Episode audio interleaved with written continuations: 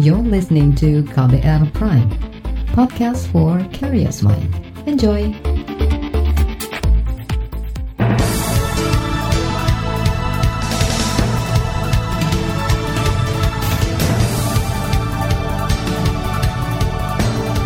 Selamat pagi saudara, senang sekali kami bisa menjumpai Anda kembali melalui program Buletin Pagi untuk edisi Rabu 7 Oktober 2020. Bersama saya Agus Lukman, saudara sejumlah informasi pilihan telah kami siapkan, di antaranya buruh akan mengajukan uji materi Undang-Undang Cipta Kerja. Presiden Jokowi memerintahkan para menteri membentuk korporasi petani dan nelayan. Lebih dari 80 ribu orang di Jawa Tengah melanggar protokol COVID-19. Inilah Buletin Pagi selengkapnya. Terbaru di Buletin Pagi. Saudara sejumlah kelompok masyarakat berencana mengajukan permohonan uji materi Undang-Undang Omnibus Cipta Kerja. Undang-undang ini disahkan DPR pada Senin lalu. Salah satu yang berencana mengajukan uji materi ke Mahkamah Konstitusi adalah Konfederasi Serikat Buruh Seluruh Indonesia KSBSI.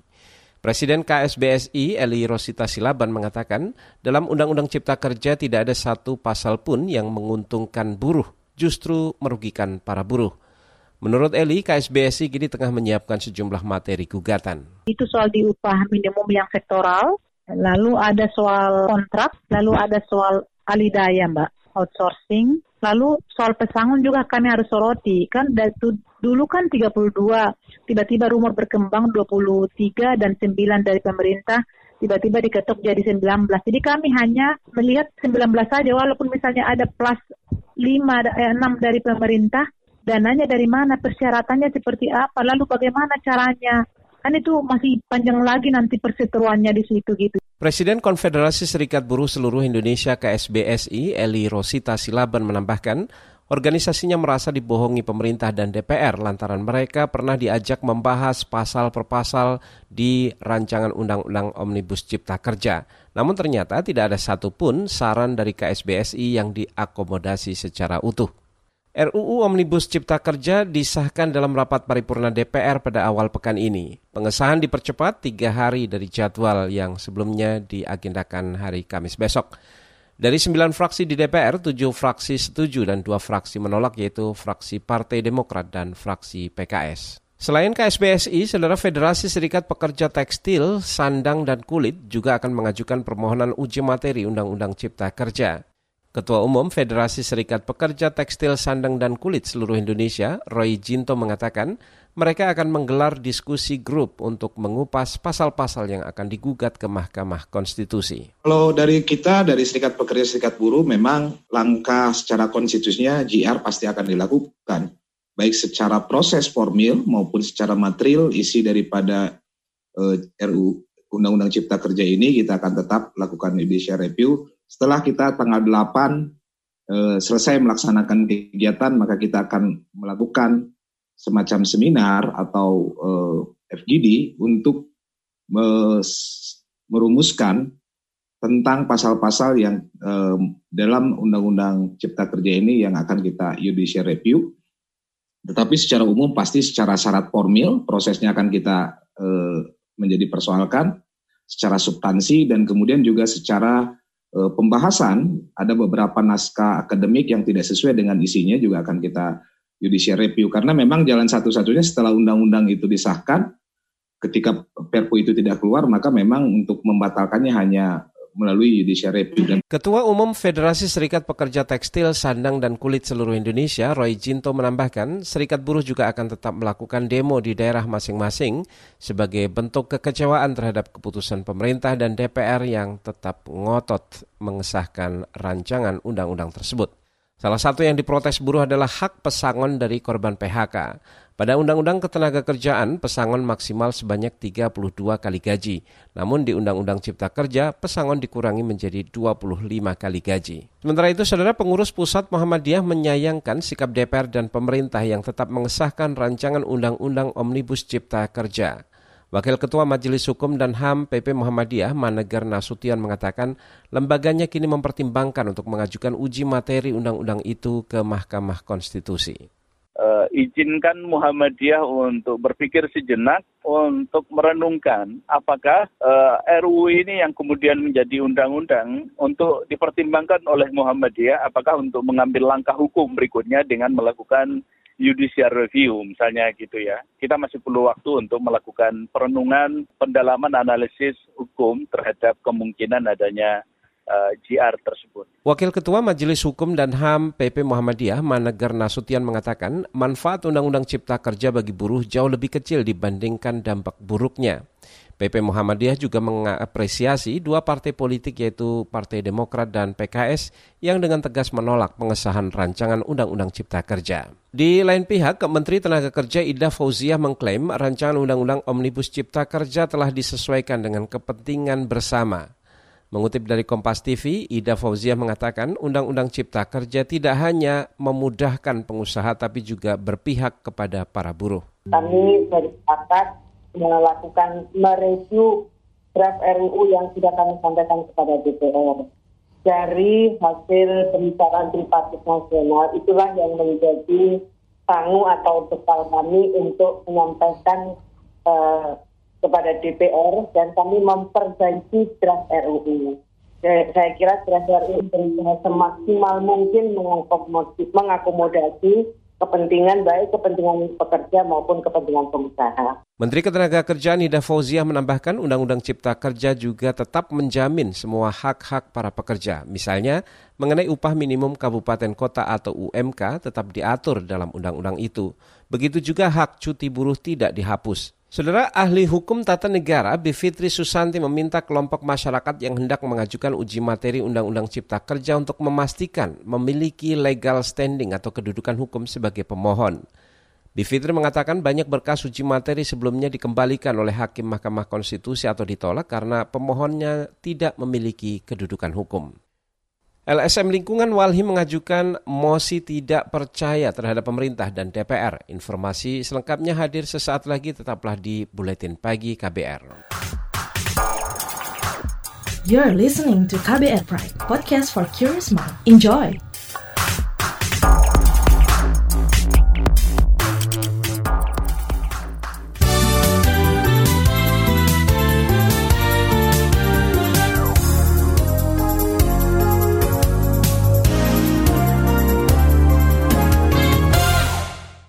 Masih terkait dengan pengesahan RUU Omnibus Cipta Kerja, Saudara LSM Lingkungan Walhi Indonesia menyatakan mosi tidak percaya terhadap pemerintah dan DPR usai pengesahan rancangan Undang-Undang Omnibus Cipta Kerja.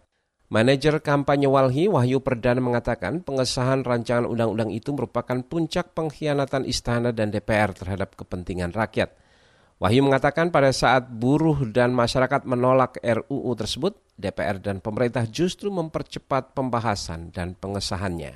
Kita dihadapkan dengan satu tontonan begitu ya, yang tiba-tiba anggota DPR-nya siang, malam, bah bahkan ketika lampu mati pindah ke hotel begitu, hotel terdekat dan sekitarnya. Dan itu tidak pernah dalam tanda kutip kesungguhan anggota Dewan ini tidak pernah kita perhatikan ketika menyusun undang-undang yang lebih banyak terkait dengan hak hak rakyat, undang-undang masyarakat adat, bicara soal perlindungan lain dan pesisir butuh bertahun-tahun. Ini 76 kali pertemuan, dimulai dari awal tahun begitu, belum satu tahun sudah selesai. Itu tadi manajer kampanye Walhi Wahyu Perdana. Saudara penolakan pengesahan Undang-Undang Cipta Kerja juga terlihat dari aksi mogok kerja dan demonstrasi di berbagai tempat. Demonstrasi melibatkan berbagai kelompok buruh hingga mahasiswa. Di beberapa tempat aksi diwarnai bentrokan buruh dengan aparat kepolisian maupun dengan aparat keamanan pabrik. Para buruh juga tetap menggelar aksi mogok hingga Kamis besok. Beralih ke informasi lain, Presiden Joko Widodo kembali memerintahkan para menterinya untuk segera mendorong pembentukan korporasi atau kawasan unit usaha berbadan hukum bagi petani dan nelayan.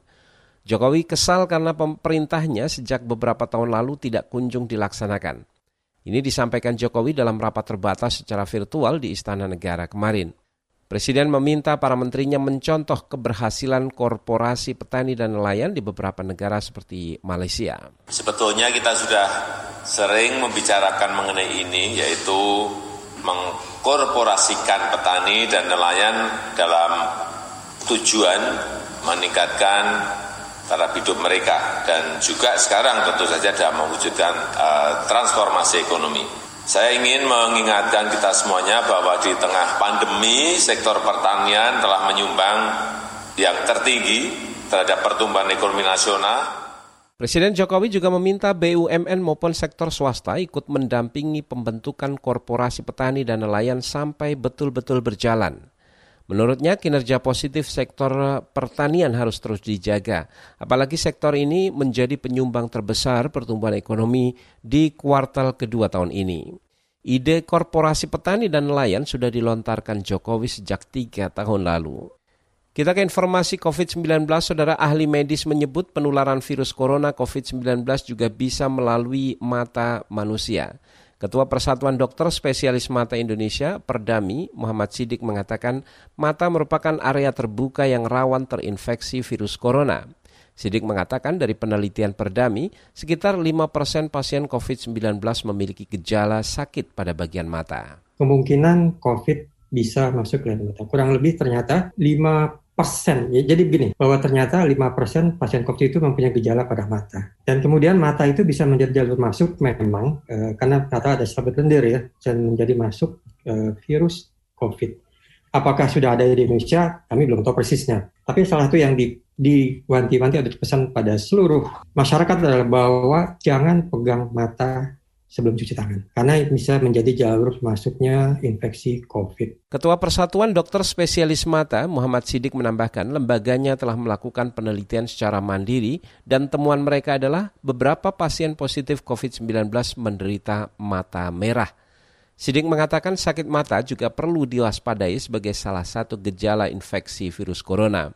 Sidik menyarankan masyarakat menggunakan pelindung mata seperti kacamata sebagai upaya pencegahan penularan COVID-19. Kita ke mancanegara, saudara Presiden Amerika Serikat Donald Trump banjir kecaman publik setelah ia melepas masker usai menjalani karantina selama tiga hari. Trump sebelumnya dinyatakan positif COVID-19. Setiba di Gedung Putih pada Senin waktu Amerika, Donald Trump melepas maskernya ia pun berpidato meminta masyarakat tidak takut terhadap penyakit COVID-19. Pidato Trump juga terkesan menganggap remeh virus corona meski COVID-19 sudah menewaskan 200 ribu orang di Amerika Serikat. Mengutip Reuters, penyataan Donald Trump dan sikapnya melepas masker menuai kecaman dari berbagai pihak di Amerika, mulai dari ahli medis hingga politisi. Calon presiden dari Partai Demokrat Joe Biden mengkritik Trump dengan menyerukan pentingnya memakai masker untuk menjaga nyawa dari ancaman COVID-19. Beralih ke informasi olahraga, saudara balap MotoGP Prancis pada minggu mendatang kemungkinan digelar dalam kondisi trek basah. Hujan diprediksi turun sepanjang akhir pekan di sirkuit Le Mans. Ini kali pertama MotoGP menjalani balapan dalam kondisi trek basah sejak terakhir kali di MotoGP Valencia pada 2018 lalu. Pada 2019, MotoGP di Republik Ceko juga sempat diganggu hujan namun trek tidak terlalu basah. Persaingan MotoGP Prancis 2020 juga diprediksi akan berlangsung menarik dengan duel Fabio Quartararo hanya unggul 8 poin atas Joan Mir di puncak klasmen sementara MotoGP tahun ini. Laporan khas KBR bertajuk skema baru impor garam industri akan hadir usai jeda tetaplah di Buletin Pagi KBR. You're listening to KBR Pride, podcast for curious mind. Enjoy!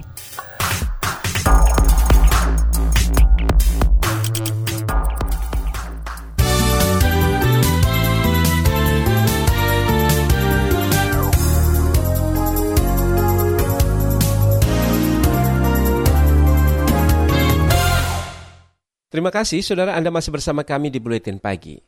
Keran impor garam industri kembali dibuka di saat yang sama, ratusan ribu garam petani lokal masih menumpuk di gudang. Harga garam bakal makin anjlok jika garam impor kembali membanjiri pasar. Namun pemerintah mengklaim telah menyiapkan skema baru impor garam untuk mencegah kebocoran. Berikut laporan tim KBR dibacakan Astri Yuwanasari. Wah itu membunuh petani garam ini. Jadi garam tidak boleh naik. Tolong impor ini sampai dikurangi, jangan ditambah. Biar garam tahun 2009 18 tahun 2019 sama tahun sekarang bisa laku gitu loh. Tumpukan garam tak laku berpotensi makin menyesaki gudang Lafik. Pasalnya, pemerintah dipastikan membuka keran impor garam untuk kebutuhan industri. Petani garam di Jepara, Jawa Tengah ini khawatir garam impor itu akan kembali bocor ke pasaran seperti tahun-tahun sebelumnya. Jika hal itu terjadi, Lafik dan petani lain makin terpuruk karena terus-menerus merugi sejak dua tahun lalu. Kalau harga uh, impor garam ini ditambah lagi, otomatis petani semakin menumpuk, menumpuk itu. Soalnya apa? Kita jual harga 250 belum bisa nutup kebutuhan, kita harga jual 400 belum bisa. Gitu. Jadi petani bertahan. Dan sedangkan makannya dari mana? Utang-utang, utang sana sini, utang bank, utang gadian. Saya ngalami juga. Gitu. Produksi garam sepanjang tahun ini pun merosot tajam karena situasi pandemi. Banyak pabrik tutup sementara sehingga pesanan pun seret. Lafik mengakui garam hasil produksinya baru bisa terserap di beberapa industri seperti tekstil dan sabun. Namun di industri lain seperti makanan, minuman, dan pakan ternak, kualitas garamnya belum memenuhi syarat, yakni kadar natrium klorida lebih dari 97 persen. Tahun ini merosotnya 50 persen dari jumlah kemarin. Kalau kemarin eh, satu hektar dapatnya kan 110 ton tahun 2019, tapi tahun 2020 ini dapatnya sekitar 40 sampai 5 tahun kemarin itu saya jual ke industri. Sekarang soal ada Covid ini, terus pabrik pada berhenti. Pemerintah memutuskan bakal mengimpor garam industri karena produksi nasional belum mencukupi. Kebutuhannya mencapai 4 juta ton per tahun, tetapi produksi lokal tak sampai separuhnya. Alhasil keran impor kembali dibuka, tetapi izin impor hanya diberikan langsung kepada industri penggunanya. Menteri Perindustrian Agus Gumiwang Kartasasmita bakal menentukan perusahaan dan jumlah kuota impornya. Perusahaan yang membocorkan garam impor ke pasar akan disanksi keras. Kami uh, tentu tidak akan membiarkan bahwa bahan baku yang diimpor oleh uh, industri itu merembes ke pasar sehingga mengganggu petani gula maupun petani uh, garam. Ya ini akan kami berikan sanksi yang sangat tegas. Menteri Koordinator Maritim dan Investasi Luhut Panjaitan menjanjikan perubahan skema impor itu bisa menutup celah kebocoran. Dengan begitu, harga garam rakyat nantinya bisa mencapai Rp1.000 per kilogram. Kalau garam pangan makan tuh kita nggak kurang ya, cukup produksinya dan kualitasnya saja yang perlu diperbaiki. Kita pasti dalam setahun ke depan ini sudah bisa kita perbaikin. Yang menjadi kurang adalah garam industri. Nah garam industri tadi ada dua cara. Satu tadi pakai tadi PLTU itu, yang kedua tadi garam industri itu hanya diimpor oleh industri yang membutuhkannya. Sehingga dengan demikian tidak ada lagi nanti garam raya itu menjadi harganya seperti sekarang ini. Garam raya itu harus kita bisa maintain di seribu rupiah Inisiatif pemerintah mengubah skema impor garam mendapat apresiasi peneliti Indef, Rusli Abdullah. Dengan skema itu, industri pengguna bisa langsung mengimpor garam tanpa harus melalui perusahaan importir. Cara ini bisa menekan potensi rembesan garam impor ke pasar domestik, sekaligus memudahkan deteksi kecurangan. Karena kan di atas kertas bahwa gue yang ngajuin uh, impor sekian, kok tiba-tiba kan ketahuan di akhir tahun ya, kok apa yang perusahaan Anda nggak ini nih nggak sesuai dengan yang dilaksanakan tahun kemarin sehingga pasti ada sisa garam nih. Gimana garam anda misalnya kan? Nanti oh ini masih ada pak. Oh, berarti ini nggak bocor nih. Jadi lebih mudah pak pertama itu lebih mudah untuk mengecek uh, pemerintah tentang kebocoran garam. Yang kedua itu lebih ini mbak langsung memotong apa, uh, mata rantai Perusahaan yang nekat membocorkan garam ke pasaran bisa dijatuhi sanksi denda sejumlah nilai impor. Menurut Rusli, sanksi ini efektif untuk menimbulkan efek jerah. Jadi maksimum mbak, misalnya gini, saya impor dengan 100 Eh, ribu nih harus ribu apa namanya harus ribu harus US dollar. Ya, saya bocorin nih cuman nilainya dua puluh ribu US dollar ke pasar uh, domestik. Ya udah, saya sebenarnya jangan dua puluh ribu, tapi seratus ribu. Biar saya memang ya apa nanti berlipat ya dengannya tuh. Saya cuman bocorin dua puluh ribu, eh kok malah saya sebenarnya seratus ribu. Ya berarti itu akan sangat sekali memberikan efek yang jerah. Nah saya kira denda itu ini mbak yang paling apa namanya yang paling efektif ya. Rusli memprediksi swasembada garam industri sulit terwujud dalam waktu dekat. Pasalnya, pembangunan pabrik garam membutuhkan waktu yang lama. Baru satu pabrik di Gresik, Jawa Timur yang sudah beroperasi. Itu pun kapasitasnya hanya mampu memproduksi 40 ribu ton garam industri per tahun. Mungkin pertama dengan memenuhi kualitas bisa, Mbak. Sama gini garam rakyat di upgrade toh, maksudnya ini produksinya di apa dibenerin terus biar memenuhi standar industri. Tapi untuk memenuhi kebutuhan industri, saya kira belum bisa mbak dalam waktu dekat. Soalnya harus ekspansi ini nih ladang baru lagi tuh. Demikian laporan tim KBR, saya Astri Yuwanasari. Informasi dari daerah akan kami sajikan usai jeda, tetaplah di Buletin Pagi KBR. You're listening to KBR Pride, podcast for curious mind. Enjoy!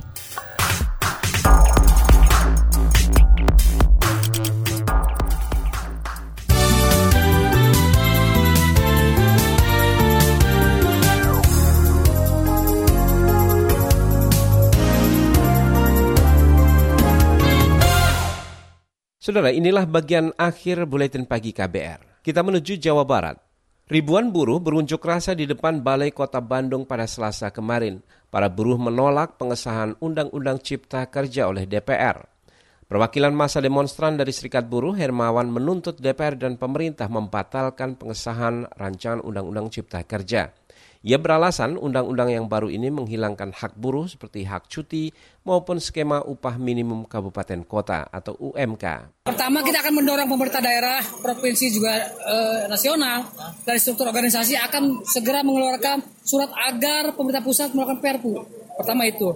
Yang kedua tentu kan kalau dimungkinkan kita bisa melakukan judicial review, kita akan melakukan judicial review seperti itu. Selain aksi-aksi massa seperti ini kan gitu. Karena kalau kita melakukan lobby-lobby seperti itu ya kayaknya tidak mendengar gitu. Dia dia nggak punya telinga juga punya hati kelihatannya kan gitu. Juru bicara masa demonstran dari SPSI Bandung Hermawan menambahkan selain menggelar unjuk rasa, para buruh juga melakukan mogok kerja secara massal serentak di seluruh pabrik di kawasan Bandung Raya. Aksi demo dilakukan dengan mematuhi protokol kesehatan pencegahan COVID-19. Kita ke Jawa Tengah, lebih dari 80 ribu orang terjaring melanggar protokol kesehatan selama pandemi COVID-19. Gubernur Jawa Tengah Ganjar Pranowo mengatakan puluhan ribu pelanggar itu tersebar di lima kabupaten kota, yaitu Banyumas, Cilacap, Kebumen, Kudus, dan Kota Tegal. Gubernur Jawa Tengah Ganjar Pranowo menambahkan tingginya angka pelanggaran protokol kesehatan di lima kabupaten kota di Jawa Tengah menunjukkan keseriusan penindakan hukum di tengah pandemi. Ganjar juga meminta agar pemerintah daerah dan aparat di masing-masing daerah mengapresiasi masyarakat yang taat menjalankan protokol kesehatan. Kita menuju Kalimantan Timur, sejumlah hotel bintang 4 dan bintang 5 di kota Balikpapan bakal berubah fungsi menjadi lokasi karantina mandiri dan perawatan pasien positif COVID-19. Wali Kota Balikpapan Rizal Effendi mengatakan ada dua hotel bintang 5 yaitu Novotel dan Grand Senior yang mengajukan permohonan beralih menjadi tempat karantina mandiri dan tempat perawatan pasien COVID-19.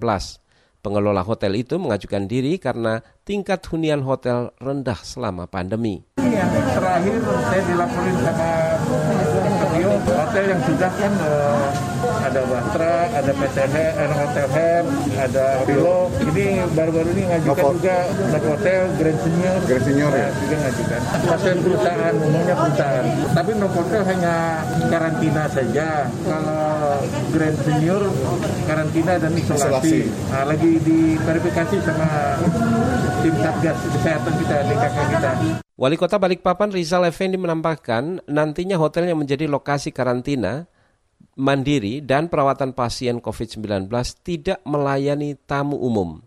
Hotel itu rencananya akan dikontrak selama sebulan oleh salah satu perusahaan swasta dengan pilihan dapat diperpanjang.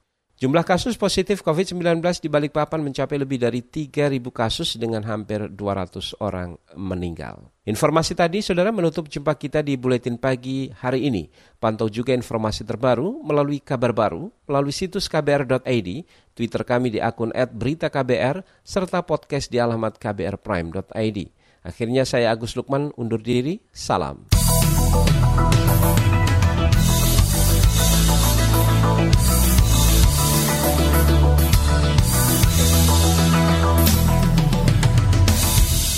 KBR Prime, cara asik mendengar berita. KBR Prime, podcast for curious mind.